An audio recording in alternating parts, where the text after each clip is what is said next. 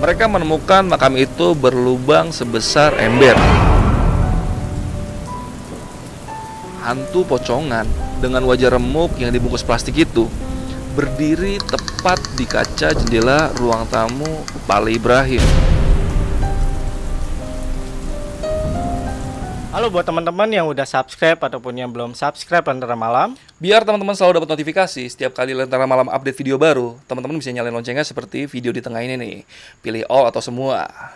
Jadi jangan lupa nyalain lonceng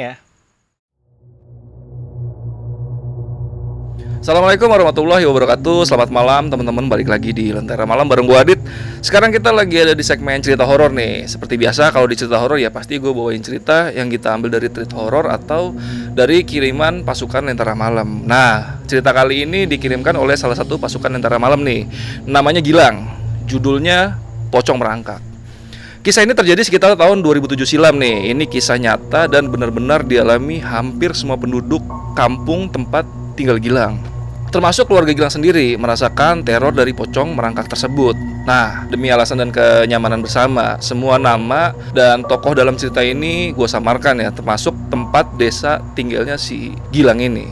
Nah, buat teman-teman yang mau main ke sosmednya si Gilang ini, bisa mampir ke Instagramnya Gilang namanya @edwardyehuda dan dia juga punya YouTube channel namanya Zen Rizal Channel. Nah, nanti linknya gue taruh di deskripsi. Mampir-mampir atau sapa-sapa aja lah untuk yang ngirimin cerita ini. Nah, sebelum kita lanjut ke ceritanya, gue mau binomo dulu nih guys. Jadi kan sekarang lagi pandemi gini nih, lumayan lah buat tambah-tambah penghasilan. Karena gue main binomo kemarin itu gue bisa beli jam tangan ini guys lumayan ya kan nggak pakai duit gue sendiri jadi gue main trading di sini dan hasilnya bisa gue beliin jam ini. Yaudahlah kali ini gue mau ngasih lihat teman-teman buat live trading gue nih. Jadi gue bakal shoot langsung gue trading binomo. Oke? Okay? oke okay, sekarang kita mau live trading ya. Gue mau invest di 1,4 aja lah ya nggak usah gede-gede ya kan biar aman. Uh, eh, gue mau pakai moving average jadi biar grafiknya bisa gue lihat dengan jelas. Oke. okay. Oke ini grafiknya turun terus nih. Kita lihat grafik belakangnya. Kita coba buat turun ya. Oke, sip.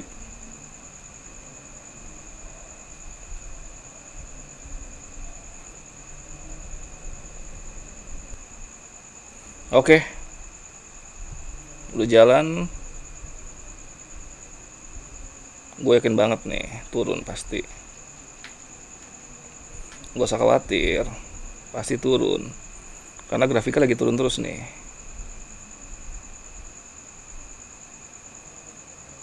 Ayo turun lagi dikit lagi.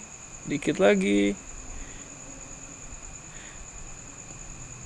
Nah lumayan kan gue menang 2,5 investasi gue menghasilkan 2,5 juta dari 1 juta 400 gue mau beli apa ya di sini ya mau beli jam lagi kali ya Oke, pokoknya teman-teman gak usah khawatir, ini mudah banget lu pakai. Uh, Oke. Okay. Nah, lumayan kan gue menangnya tadi. Jadi teman-teman kalau mau coba sendiri, linknya gue taruh di deskripsi. Nanti teman-teman download aja aplikasinya dan setelah download dan registrasi, teman-teman bakal dapet uh, akun demo 1000 dolar. Jadi teman-teman sebelum top up buat real akunnya, teman-teman bisa coba dulu di akun demonya. Jadi biar latihan-latihan dulu lah sebelum ke real akunnya. Nah, teman-teman kalau ngalamin kendala nanti gak usah takut karena Binomo itu nyediain 24 jam 7 hari buat technical supportnya nih dan untuk sistem deposit sama withdrawnya itu tanpa biaya dan gampang banget lah pokoknya. Yaudah, tanpa basa-basi lagi, cerita horor dimulai.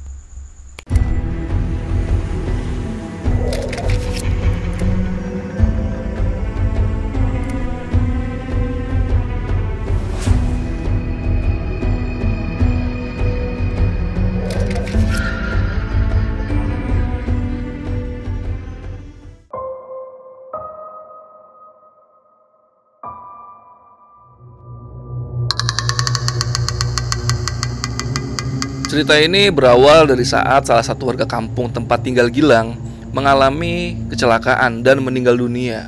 Kita sebut saja namanya Om Burhan. Dia mengalami kecelakaan lalu lintas di sebuah jembatan angker di daerah yang bernama Demung. Jaraknya sekitar 21 km jauhnya dari desa tempat Gilang tinggal. kondisinya waktu itu kepalanya remuk karena terlindas truk gandeng.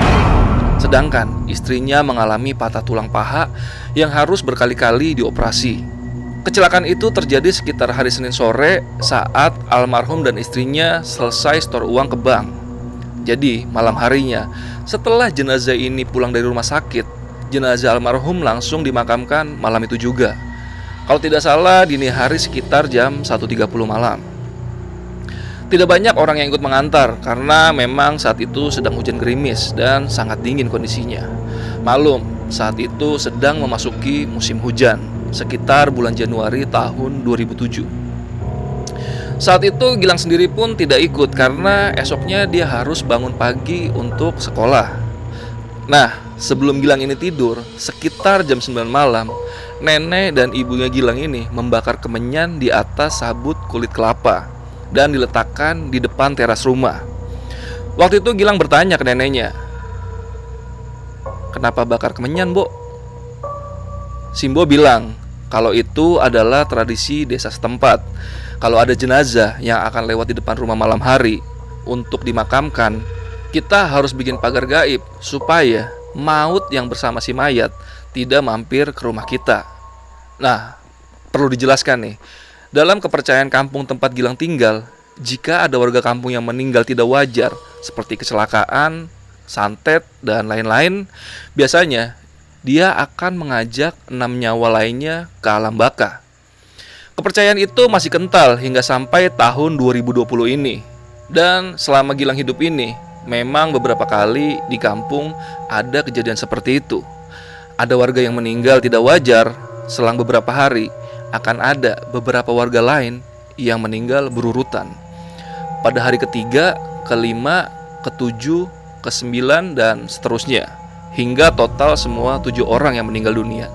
Sempat Ayah Gilang dulu membacakan sebuah teks kuno Jawa tentang babat tanah es, lengkap dengan terjemahan dan tafsirnya. Singkat Gilang, menurut buku itu, penduduk desa Es adalah keturunan pengikut Dewi Rengganis dari Gunung Argopuro. Desa Gelang ini letaknya di lereng Gunung Argopuro yang terkenal sebagai jalur trek terpanjang Sepuluh Jawa. Dalam teks babat tanah es itu, desa ini terkenal dengan kemagisannya yang membuat semua bentuk kehidupan yang tumbuh dari tanahnya akan memiliki keterkaitan dengan hal kerajaan gaib Dewi Rengganis di Gunung Argopuro. Wallahu alam bagi yang mempercayainya saja.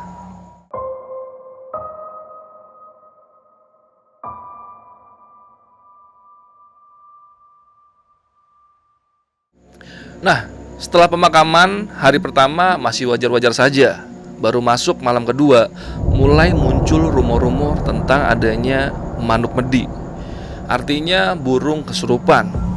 Ini juga salah satu mitos di kampung tempat tinggalnya Gilang. Biasanya, burung yang kesurupan arwah ini sejenis gagak atau burung-burung malam lain yang bersuara serak. Saat mereka dirasuki arwah, mereka akan mengeluarkan suara jeritan kesakitan atau minta tolong dan paling sering tangisan di tengah malam. Dan ini sudah sering terjadi. Malam kedua setelah Om Burhan dimakamkan, ada beberapa penduduk kampung yang mendengar suara tangisan manuk medi ini di beberapa tempat yang berbeda. Dan barulah pada malam ketiga, horor yang sebenarnya mulai terjadi.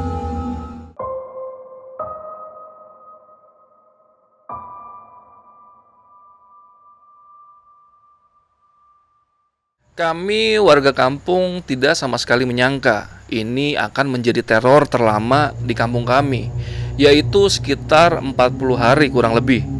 Jadi dimulai dari saksi mata pertama bernama Mbah Tiwul. Beliau pemilik kedai kopi legendaris di Desa Gilang. Kedai kopinya selalu ramai siang dan malam. Malam naas itu terjadi sekitar pukul 7 malam. Mbah Tiwul hendak buang air kecil ke kamar mandi di belakang rumahnya. Sebagai tambahan informasi, zaman dulu di kampung itu kamar mandi letaknya terpisah dari rumah utama. Nah, di sana saat beliau sedang buang air kecil, tiba-tiba ada suara memanggil dari arah luar bilik Pekiwon. Baul, tolong aku. Begitu suara terdengar sayup-sayup. Begitu Mbah Tiul melongo keluar, alangkah terkejutnya dia melihat penampakan makhluk mirip pocong dengan setengah kafan terbuka dan sedang berjalan merangkak. Wajahnya tidak begitu jelas karena warnanya merah kehitaman dan hancur dibungkus plastik. Oh iya, jenazah Om Burhan ini yang kepalanya remuk memang dari rumah sakit sudah dibungkus dan diikat dengan plastik. Tujuannya supaya darah tidak berceceran. Jadi jelas, pocongan itu jelmaan dari Om Burhan. Hebohlah satu kampung saat Mbah Tiwul teriak-teriak ketakutan. Sontak orang di warung berdatangan. Tapi makhluk pocong itu sudah keburu menghilang.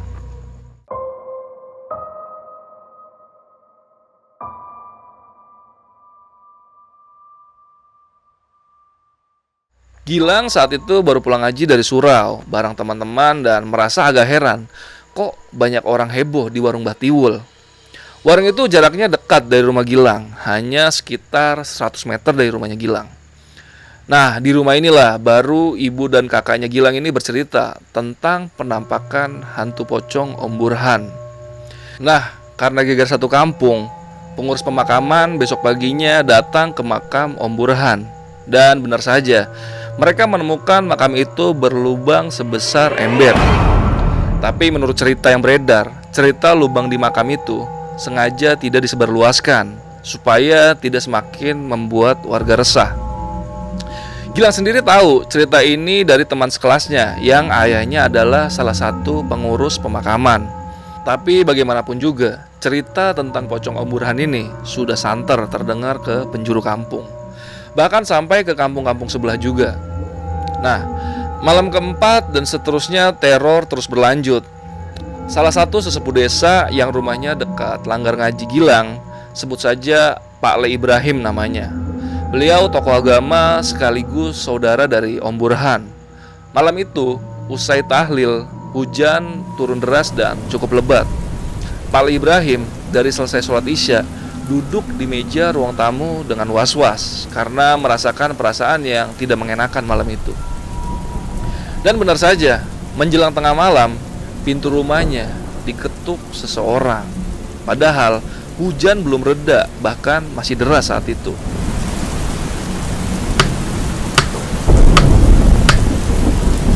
Dan ketika dibukakan pintu, tidak ada siapa pun di luar rumah. Kejadian itu berulang sampai beberapa kali, hingga tiba-tiba hantu pocongan dengan wajah remuk yang dibungkus plastik itu berdiri tepat di kaca jendela ruang tamu Pali Ibrahim. Pali Ibrahim yang memang orang beragama dan sesepuh desa meminta si pocong untuk jangan mengganggu siapa pun lagi dan berdamai dengan kematiannya. Nah, setelah dibacakan ayat kursi dan doa, pocong itu akhirnya lenyap seketika.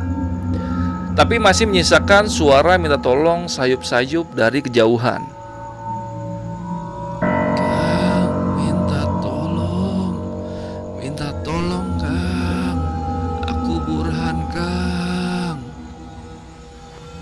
Begitu suara sayup-sayup itu terus berulang hingga menjelang waktu berkumandangnya azan subuh. Dan ternyata malam itu bukan hanya Pak Ali Ibrahim yang disatroni pocong Om Burhan, melainkan juga sahabat-sahabatnya semasa sekolah dulu. Kita sebut saja namanya Tante Yuli, Om Hasan, dan Om Erwan. Mereka bertiga sedang bertugas jaga shift malam di UGD dekat rumah Gilang dan lumayan dekat juga dari Langgar Ngaji dan rumah Pak Le Ibrahim. Malam itu saat hujan deras, menurut kesaksian mereka bertiga, saat sedang bertugas jaga, semua pintu di gedung utama UGD digedor-gedor dari luar. Bukan ketukan biasa seperti layaknya orang, tapi gedoran keras yang bikin kaget.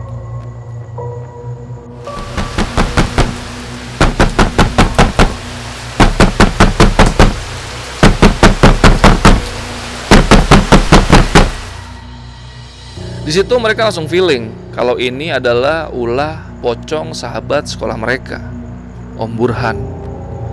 Saking takutnya, mereka berkumpul di ruang apoteker dan gak berani untuk ngecek keluar. Apalagi situasi saat itu sedang hujan deras disertai angin yang cukup kencang. Dan menurut cerita Om Erwan, mereka sempat melihat kelebatan bayangan putih bergerak menyamping dari jendela-jendela kaca yang kebetulan gordennya saat itu sedang terbuka. Tapi tidak begitu jelas bentuk wujudnya. Tapi Om Herwan yang kemudian heboh bercerita di kedai kopi Mbah Tiwul berani bersumpah kalau dia yakin itu mirip bentuk pocong. Siapa lagi kalau bukan Om Burhan?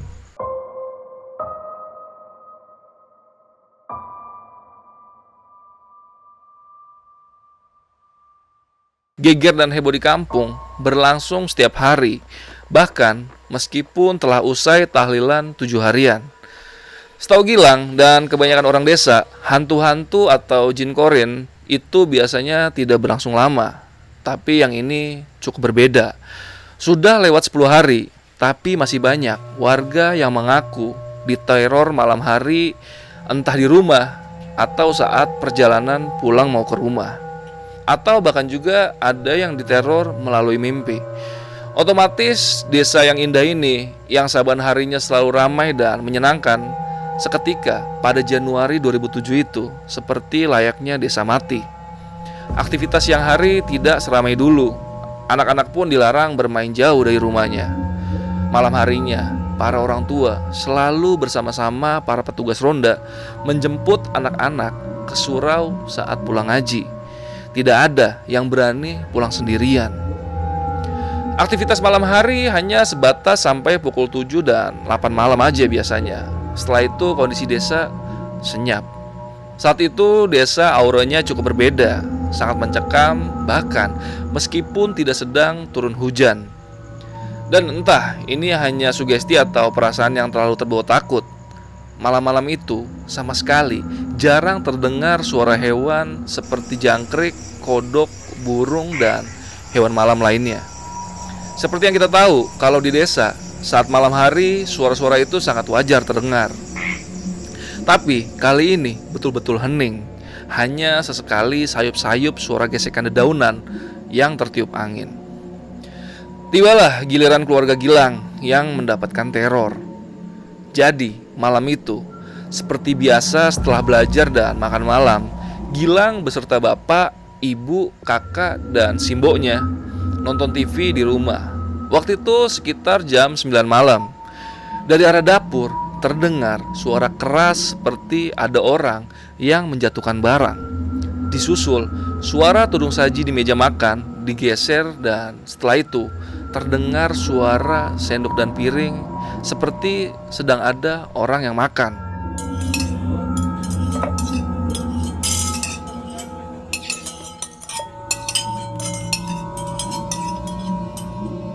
Semua kaget dan sama-sama memikirkan satu hal. Om Burhan. Karena semua penghuni rumah sedang berkumpul, jadi mustahil ada orang lain di dapur. Saat itu semua bengong dan nggak ada yang berani berbicara bahkan bergerak. Tiba-tiba bapaknya Gilang menyuruh Gilang dan kakaknya bergegas pipis lalu tidur.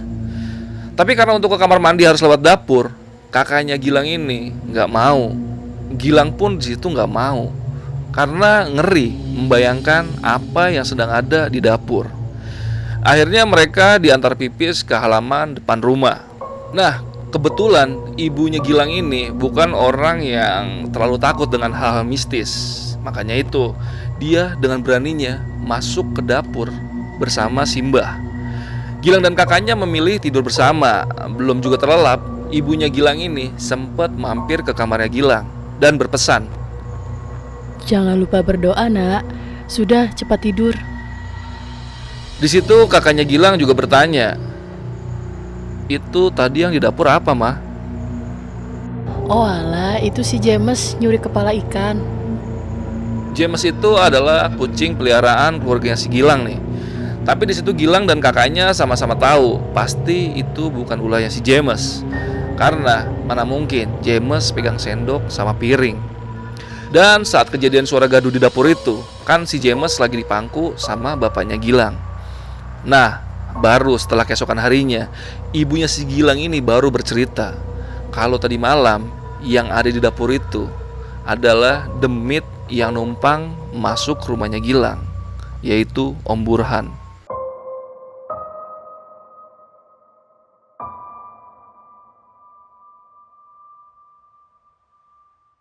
Berikutnya kejadian yang juga dialami budenya Gilang nih, yang rumahnya tepat di sebelah rumahnya Gilang. Dia itu punya kebiasaan aneh, sebelum tidur biasanya dia pipis di gang antara rumahnya Gilang dan rumahnya Bude itu. Karena memang kamar mandi ada di belakang rumah. Mungkin karena beliau takut, makanya dia pipis di situ. Entah itu malam keberapa sejak pemakaman Om Burhan. Yang jelas itu terjadi beberapa hari setelah kejadian pocong Om Burhan masuk ke dapur rumahnya Gilang. Nah, seperti biasa, budenya Gilang ini hendak pipis di gang samping rumah sebelum tidur dan dia biasa tidur malam setelah selesai nonton sinetron favoritnya. Tanpa diduga-duga, di bawah pohon jeruk depan rumah Gilang, pas di pinggir jalan ada penampakan pocong yang sedang setengah merangkak. Budinya Gilang ini nggak jelas nih, dia melihat pocong itu menyentuh tanah atau enggak. Yang jelas, dia shock dan ketakutan luar biasa dan akhirnya beliau kabur masuk rumah dengan pipis yang berceceran di lantai. Karena kejadian teror ini dirasa sangat meresahkan, bahkan sampai ke warga desa tetangga, akhirnya beberapa perwakilan sesepuh desa mengadakan musyawarah dengan ahli waris dan keluarga Om Burhan. Tapi sayangnya di sini pihak keluarga tidak terima dan bahkan menganggap ini sebagai fitnah dan pencemaran nama baik sampai hendak melapor ke kepolisian. Tapi karena kurangnya bukti, akhirnya hal itu urung dilakukan oleh keluarga Om Burhan. Nah, yang bikin greget dan kesel penduduk kampung, anak tertua Om Burhan ini malah memaki dan menyumpah penduduk kampung karena sudah dianggap memfitnah almarhum ayahnya. Tapi naasnya, beberapa hari setelah kejadian itu, keluarga mereka akhirnya ikut diteror. Ini cerita menurut kerabat dekat keluarga mereka. Dimulai dengan motor bekas kecelakaan Om Burhan yang sudah remuk dan gak karuan, itu digoyang-goyang dengan keras oleh makhluk tak kasat mata. Sampai rumah mereka juga digedor-gedor dengan keras. Saat itu, anak bungsu almarhum Om Burhan yang bernama Mas Dion, dia menangis dan minta ampun sama almarhum bapaknya. Nah, Barulah setelah Mas Dion ini menangis, suara gedoran itu berlahan menghilang.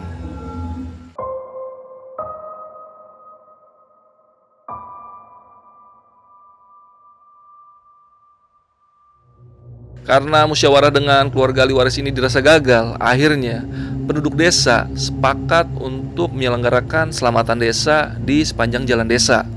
Malam itu ramai dan suasananya cukup berbeda jauh lebih cerah dan terasa damai daripada malam-malam sebelumnya. Sejak diadakan selamatan desa itu, berangsur teror mulai berkurang.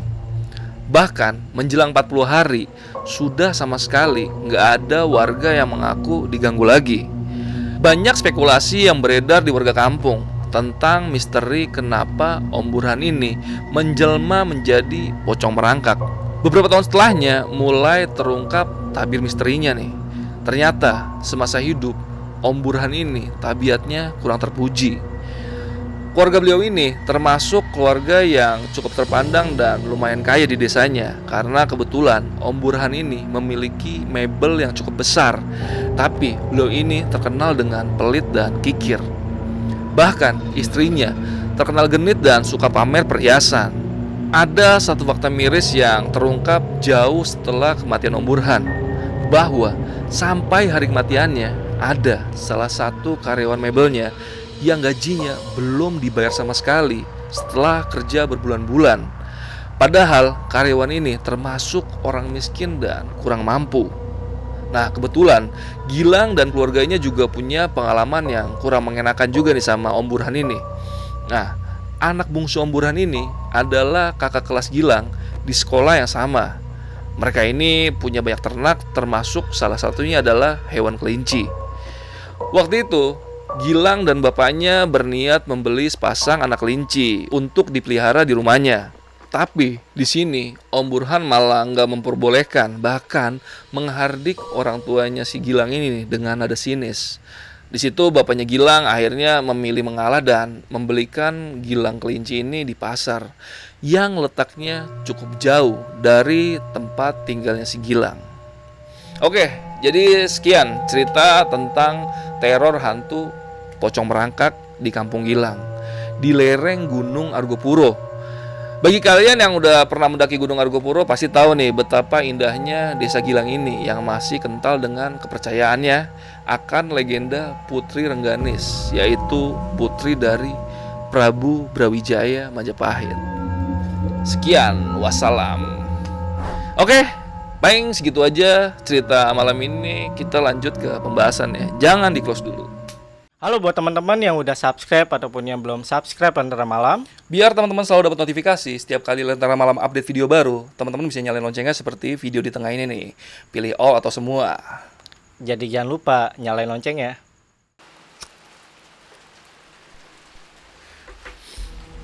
Bosen ya ngeliat gue ngerokok mulu ya? Ya udah, dengerin gue bacot aja ya. Oke, gue mau bahas tentang cerita yang tadi ya.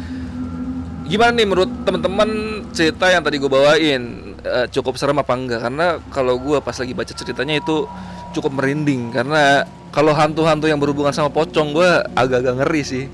Karena ya tau sendiri lah bentuknya pasti ya serem. Apalagi kalau misalnya teman-teman mikir ngebayangin eh, lagi di dalam gang gitu kan tiba-tiba di ujung gang itu ada pocong yang berdiri. Nah, gimana tuh rasanya?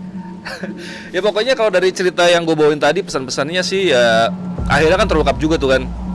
Kalau ya keluarganya si Om Burhan ini ya kurang kurang baik lah di mata warga-warga sekitar. Kayak ibaratnya dia kaya raya tapi kikir atau pelit gitu.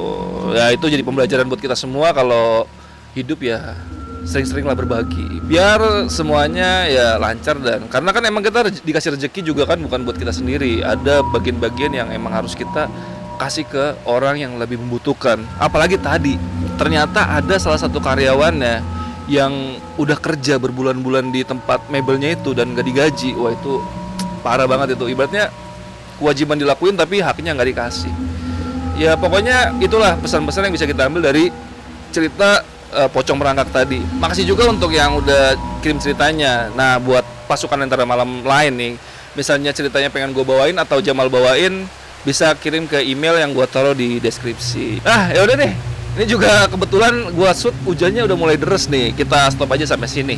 Ya udah, makasih teman-teman yang udah eh, dengerin sampai habis. Buat teman-teman yang mau kirim cerita nanti cek deskripsi aja ada caranya kok gimana kalau teman-teman mau cerita atau mau jadi narasumber ya udah cukup segitu aja video malam ini gua Adit dari Lentera Malam bye